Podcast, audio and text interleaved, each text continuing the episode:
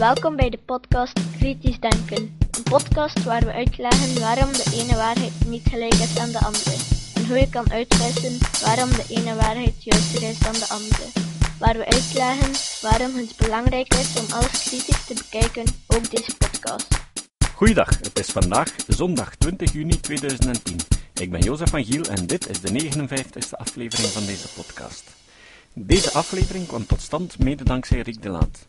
De tekst van vandaag komt van een presentatie door Seth Berkeley op TED Talks. Je kan het originele filmpje op mijn blog vinden. Rick zorgde weer voor de ondertitels. HIV, griep en de vaccinatiestrategie. Zet je ermee in over wat je zal doden? Hartziekte, kanker, een auto-ongeval? De meesten onder ons maken ons zorgen over wat we niet kunnen beheersen, zoals oorlog, terrorisme of een tragische aardbeving zoals die die net gebeurde in Haiti. Maar wat bedreigt de mensheid nu echt? Enkele jaren geleden probeerde professor Vaclav Smil de waarschijnlijkheid te berekenen van plotse rampen groot genoeg om de koers van de geschiedenis te wijzigen. Hij noemde ze massale discontinuïteiten. Hiermee bedoelde hij dat ze in staat waren ongeveer 100 miljoen mensen te laten sterven in de loop van de volgende 50 jaar. Hij onderzocht de kansen op nog een wereldoorlog, een massieve vulkaanuitbarsting, zelfs op een asteroïde-inslag op de aarde. Maar hij rekende uit dat één zo'n gebeurtenis boven alle andere met bijna 100% uitstak. En dat was een ernstige grieppandemie. Je kan de griep zien als een echte, erge verkoudheid, maar ze kan dodelijk zijn. Elk jaar sterven er in de Verenigde Staten alleen al 36.000 mensen van de seizoensgriep. In de derde wereld zijn de gegevens hierover veel onduidelijker, maar het dodentol is bijna zeker hoger. Het probleem is dat de virus af en toe zo dramatisch muteert dat het eigenlijk een nieuw virus is. En dan hebben we te doen met een pandemie. Zo verscheen er in 1918 een nieuw virus dat aan zo'n 50 tot 100 miljoen mensen het leven kostte. Het verspreidde zich als een vuurtje. Sommigen stierven al binnen enkele uren na de eerste symptomen. Zijn we vandaag veiliger?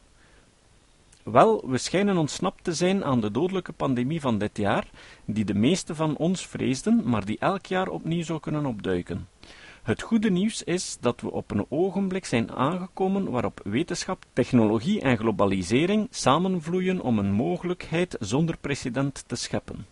De mogelijkheid om geschiedenis te maken door besmettelijke ziekten te voorkomen, die nog altijd een vijfde van alle doden voor hun rekening nemen en onnoemelijk veel leed op aarde veroorzaken. We kunnen dat. We voorkomen al miljoenen doden met bestaande vaccins, en als we deze aan meer mensen kunnen toedienen, kunnen we zeker nog meer levens redden. Maar met nieuwe en betere vaccins voor malaria, TBC, HIV, longontsteking, diarree, griep, kunnen we een eind maken aan het lijden dat op aarde rondwaart sinds het begin der tijden. Dus sta ik hier om voor jullie de loftrompet te steken over vaccins. Eerst moet ik uitleggen waarom ze zo belangrijk zijn. Omdat de kracht van vaccins eigenlijk als een fluistering is. Als ze werken, schrijven ze geschiedenis, maar na een tijdje hoor je er nauwelijks nog over. Nu zijn enkelen onder ons oud genoeg om een klein rond litteken op onze armen te hebben van een inenting die we als kind hebben gekregen. Maar wanneer maakte je je de laatste keer zorgen over de pokken, een ziekte die in de laatste eeuw 500 miljoen mensen doodde en hier nu niet meer is? Of kinderverlamming. Hoeveel herinneren zich nog de ijzeren long? Zo'n taferelen maken we nu niet meer mee door de vaccins. Nu is het interessant om te weten dat er zo'n 30 ziekten zijn die door vaccins kunnen behandeld worden, maar dat we nog steeds bedreigd worden door zaken als HIV of griep. Waarom? Wel, hier komt een klein vuil geheimpje. Tot voor kort wisten we eigenlijk niet goed hoe een vaccin precies werkte. We wisten dat ze werkten door ouderwets gissen en missen. Je nam een ziekteverwekker, veranderde hem wat, spoot hem in bij een persoon of een dier en keek wat er gebeurde. Dat lukte aardig voor de meeste ziekteverwekkers, redelijk goed voor krachtige beestjes als de griep, maar helemaal niet voor HIV, waarvoor mensen geen natuurlijke immuniteit bezitten. Laat ons eens bekijken hoe vaccins werken. Hun basisfunctie is een voorraad wapens aan te leggen voor je immuunsysteem, die je kan gebruiken indien nodig.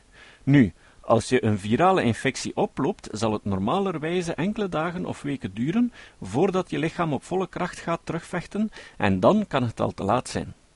Als je echter gepre-immuniseerd bent, wat zo is als je in je lichaam krachten hebt die vooropgeleid zijn om specifieke vijanden te herkennen en te verslaan, zo werken vaccins. Een vaccin traint het lichaam vooraf om een specifieke aanvaller te herkennen en te neutraliseren. Nadat HIV de slijmvliesbarrières van het lichaam is gepasseerd, besmet het de immuuncellen om zich te vermenigvuldigen. De aanvaller trekt de aandacht van de frontlijntroepen van het immuunsysteem. Dendritische cellen, macrofagen, vangen het virus in en presenteren stukken ervan aan hun buitenkant. Geheugencellen, gevormd door het HIV-vaccin, worden geactiveerd als ze van de frontlijntroepen vernemen dat HIV aanwezig is. Deze geheugencellen ontplooien onmiddellijk de juiste benodigde wapens. B-geheugencellen veranderen in plasmacellen, die golf na golf van specifieke antilichamen die zich aan het HIV hechten, zodat het niet meer in staat is om cellen te besmetten, terwijl legioenen T-killercellen reeds HIV-geïnfecteerde cellen uitzoeken en vernietigen. Het virus is verslagen. Zonder een vaccin zouden deze reacties meer dan een week duren. Tegen die tijd kan het gevecht tegen aids al verloren zijn. De antilichamen die jullie net aan het werk zagen, zijn die die de meeste vaccins hun werk laten doen. De hamvraag is dus, hoe verzekeren we ons ervan dat die lichaam juist die maakt die we nodig hebben om ons tegen de griep en HIV te beschermen? De antilichamen zijn die die de meeste vaccins hun werk laten doen. De hamvraag is dus, hoe verzekeren we ons ervan dat die lichaam juist die maakt die we nodig hebben om ons tegen de griep en HIV te beschermen? De principiële uitdaging voor deze beide virussen is dat ze de hele tijd veranderen. Laat ons bijvoorbeeld eens kijken naar het griepvirus. Wat de antilichamen nodig hebben is een punt waar ze het virus kunnen vastpakken en neutraliseren. Als ze muteren veranderen ze van vorm en de antilichamen weten niet meer waar aan te pakken. Het is daarom dat je elk jaar een licht gewijzigde vorm van griep opdoet. En daarom is het ook dat we in de lente een beste gok moeten doen om de drie soorten te vinden die volgend jaar zullen overheersen. Ze samen te brengen in één enkel vaccin en ze tegen de herfst in productie te brengen. Wat de zaken erger maakt, is dat de meest voorkomende griep, influenza A, ook dieren besmet die in de nabijheid van mensen leven, en ze in die dieren kunnen recombineren tot nieuwe vormen. Daarbij zijn wilde watervogels dragers van alle bekende vormen van influenza. Zo krijg je dan de situatie die we hadden in 2003 met het H5N1-virus, dat van vogel naar mens overging, in enkele geïsoleerde gevallen met een sterftepercentage van 70%. Gelukkig kon dit specifieke virus, al joeg het ons toen veel schrik aan, niet gemakkelijk van persoon naar persoon worden overgedragen. De H1N1-dreiging van dit jaar was in feite een mix van mens, vogel en varkensgriep, die tot ontwikkeling kwam in Mexico. Het werd gemakkelijk overgedragen, maar was gelukkigerwijs nogal mild, en zo houdt in zekere zin ons geluk aan. Maar, weet je, een andere vogel kan hier elk ogenblik komen overvliegen. Laat ons nu ook eens naar HIV kijken. Zo veranderlijk als de griep ook mag zijn, vergeleken met HIV is de griep als de rots van Gibraltar. Het virus dat aids veroorzaakt, is het verraderlijkste pathogeen dat wetenschappers ooit zijn tegengekomen. Het muteert als gekken. Het heeft lokvogels om het immuunsysteem voor de gek te houden. Het valt net die cellen aan die het proberen te bevechten. En het verbergt zichzelf snel in je eigen genoom. In vergelijking met griep is HIV een veel wilder en variabeler doelwit. Bedenk nu dat in een pas geïnfecteerde persoon er miljoenen van deze schepen met transporteerbare virussen eh, zijn, elk weer een beetje anders. Een wapen vinden dat ze allemaal verkent en tot zinken brengt, maakt deze job nu net zo moeilijk. In de 27 jaren sinds dat we HIV definieerden als de verwekker van aids, ontwikkelden we meer medicijnen om HIV te behandelen dan voor alle andere virussen samen. Deze drugs genezen de ziekte niet, maar toch zijn ze een buitengewoon wetenschappelijk succes omdat ze niet meer automatisch de doodstraf betekenen bij een diagnose van HIV. Tenminste voor hen die ze zich kunnen permitteren. Het zoeken naar een vaccin is iets heel anders. Grote maatschappijen begonnen er niet aan omdat ze dachten dat de wetenschap te moeilijk was en aan vaccins viel niet veel te verdienen. Velen dachten dat het onmogelijk was een aidsvaccin te maken, maar vandaag vertelt het bewijsmateriaal ons een ander verhaal. In september verkregen we verrassende, maar opwindende resultaten van een klinisch onderzoek in Thailand. Voor de eerste keer zagen we een aidsvaccin aan het werk in mensen, al was het nog op een bescheiden schaal. En dat vaccin was al tien jaar oud. Nieuwe ideeën en vroege testen laten ons nu nog grotere beloften zien bij onze beste diermodellen. Maar in de laatste paar maanden hebben onderzoekers ook verschillende nieuwe breed neutraliserende antilichamen geïsoleerd uit het bloed van iemand met een HIV-infectie. Wat betekent dat nu? We zagen eerder dat HIV zeer variabel is, zodat een breed neutraliserend antilichaam zich aan vele varianten van het virus aanhecht en ontwricht. Als je deze neemt en invoert in het beste van onze aapmodellen, dan geven ze een volledige bescherming tegen infectie. Daarboven vonden onze onderzoekers een nieuwe locatie op HIV waar deze antilichamen kunnen aangrijpen. En wat deze plek zo speciaal maakt, is dat ze maar weinig verandert als het virus muteert. Het is alsof het virus, als het van kleren wisselt, toch dezelfde sokken blijft dragen. En onze job bestaat erin een antilichaam te zoeken dat een echte afkeer heeft van deze sokken. Zover zijn we nu. Detailresultaten vertellen ons dat we een aidsvaccin kunnen maken. En de ondervinding met de antilichamen vertelt ons hoe we dat kunnen. Deze terugwerkende strategie van antilichaam naar een mogelijk vaccin is in het vaccinonderzoek nog nooit gedaan. Het heet retrovaccinologie en de implicaties ervan gaan veel verder dan alleen maar HIV. Bekijk het op deze manier. We hebben nu deze antilichamen die we hebben geïdentificeerd en we weten dat ze aanhechten aan vele varianten van het virus. We weten dat ze op een speciale plaats aanhechten, zodat we de precieze structuur van dat deel kunnen bepalen. Het presenteren middels een vaccin, waarvan we hopen dat het je immuunsysteem zal aanzetten om de passerende antilichamen aan te maken. Dat zou zorgen voor een universeel HIV-vaccin. Nu, dat klinkt gemakkelijker dan het is omdat de structuur zich in feite eerder op blauwe antilichamen lijkt vast te hechten dan aan zijn gele bindingsplaats.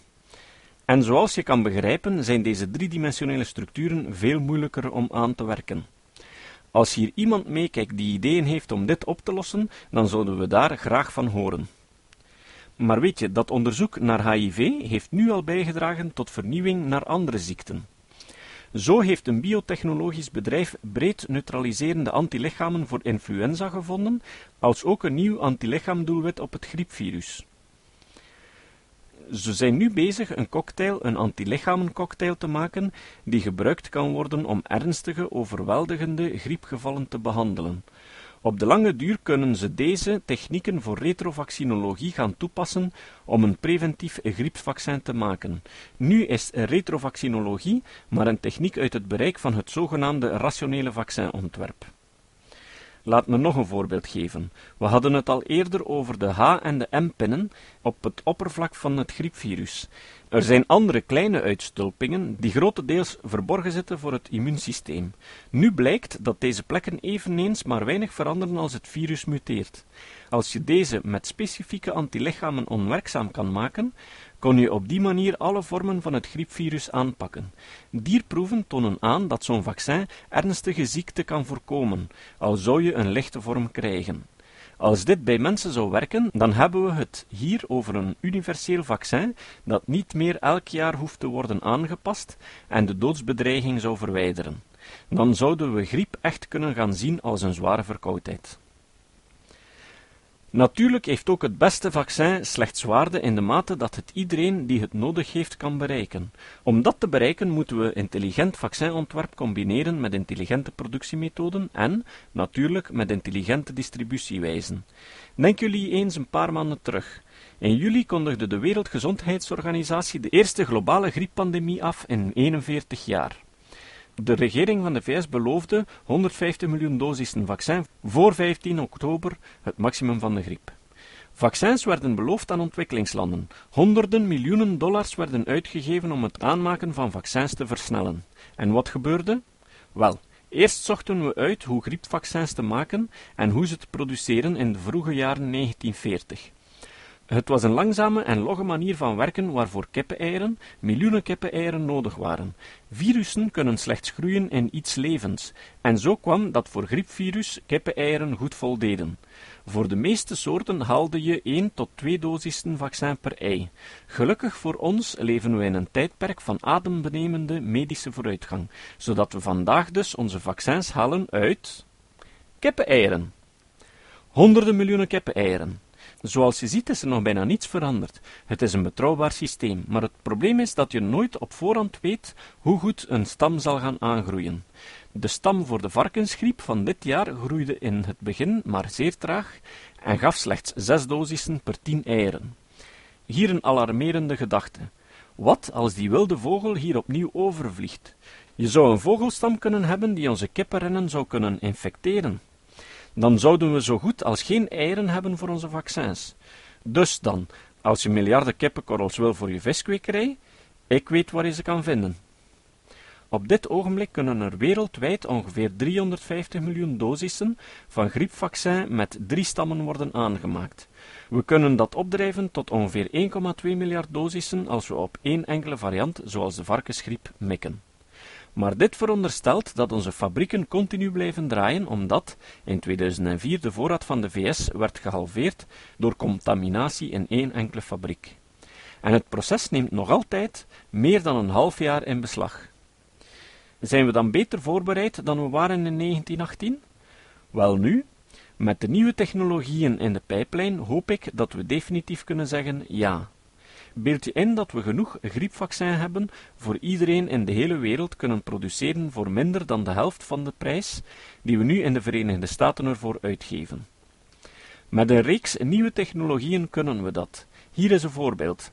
Een bedrijf waarmee ik connecties heb, heeft een specifiek deel gevonden van de hapen die het immuunsysteem in gang zet.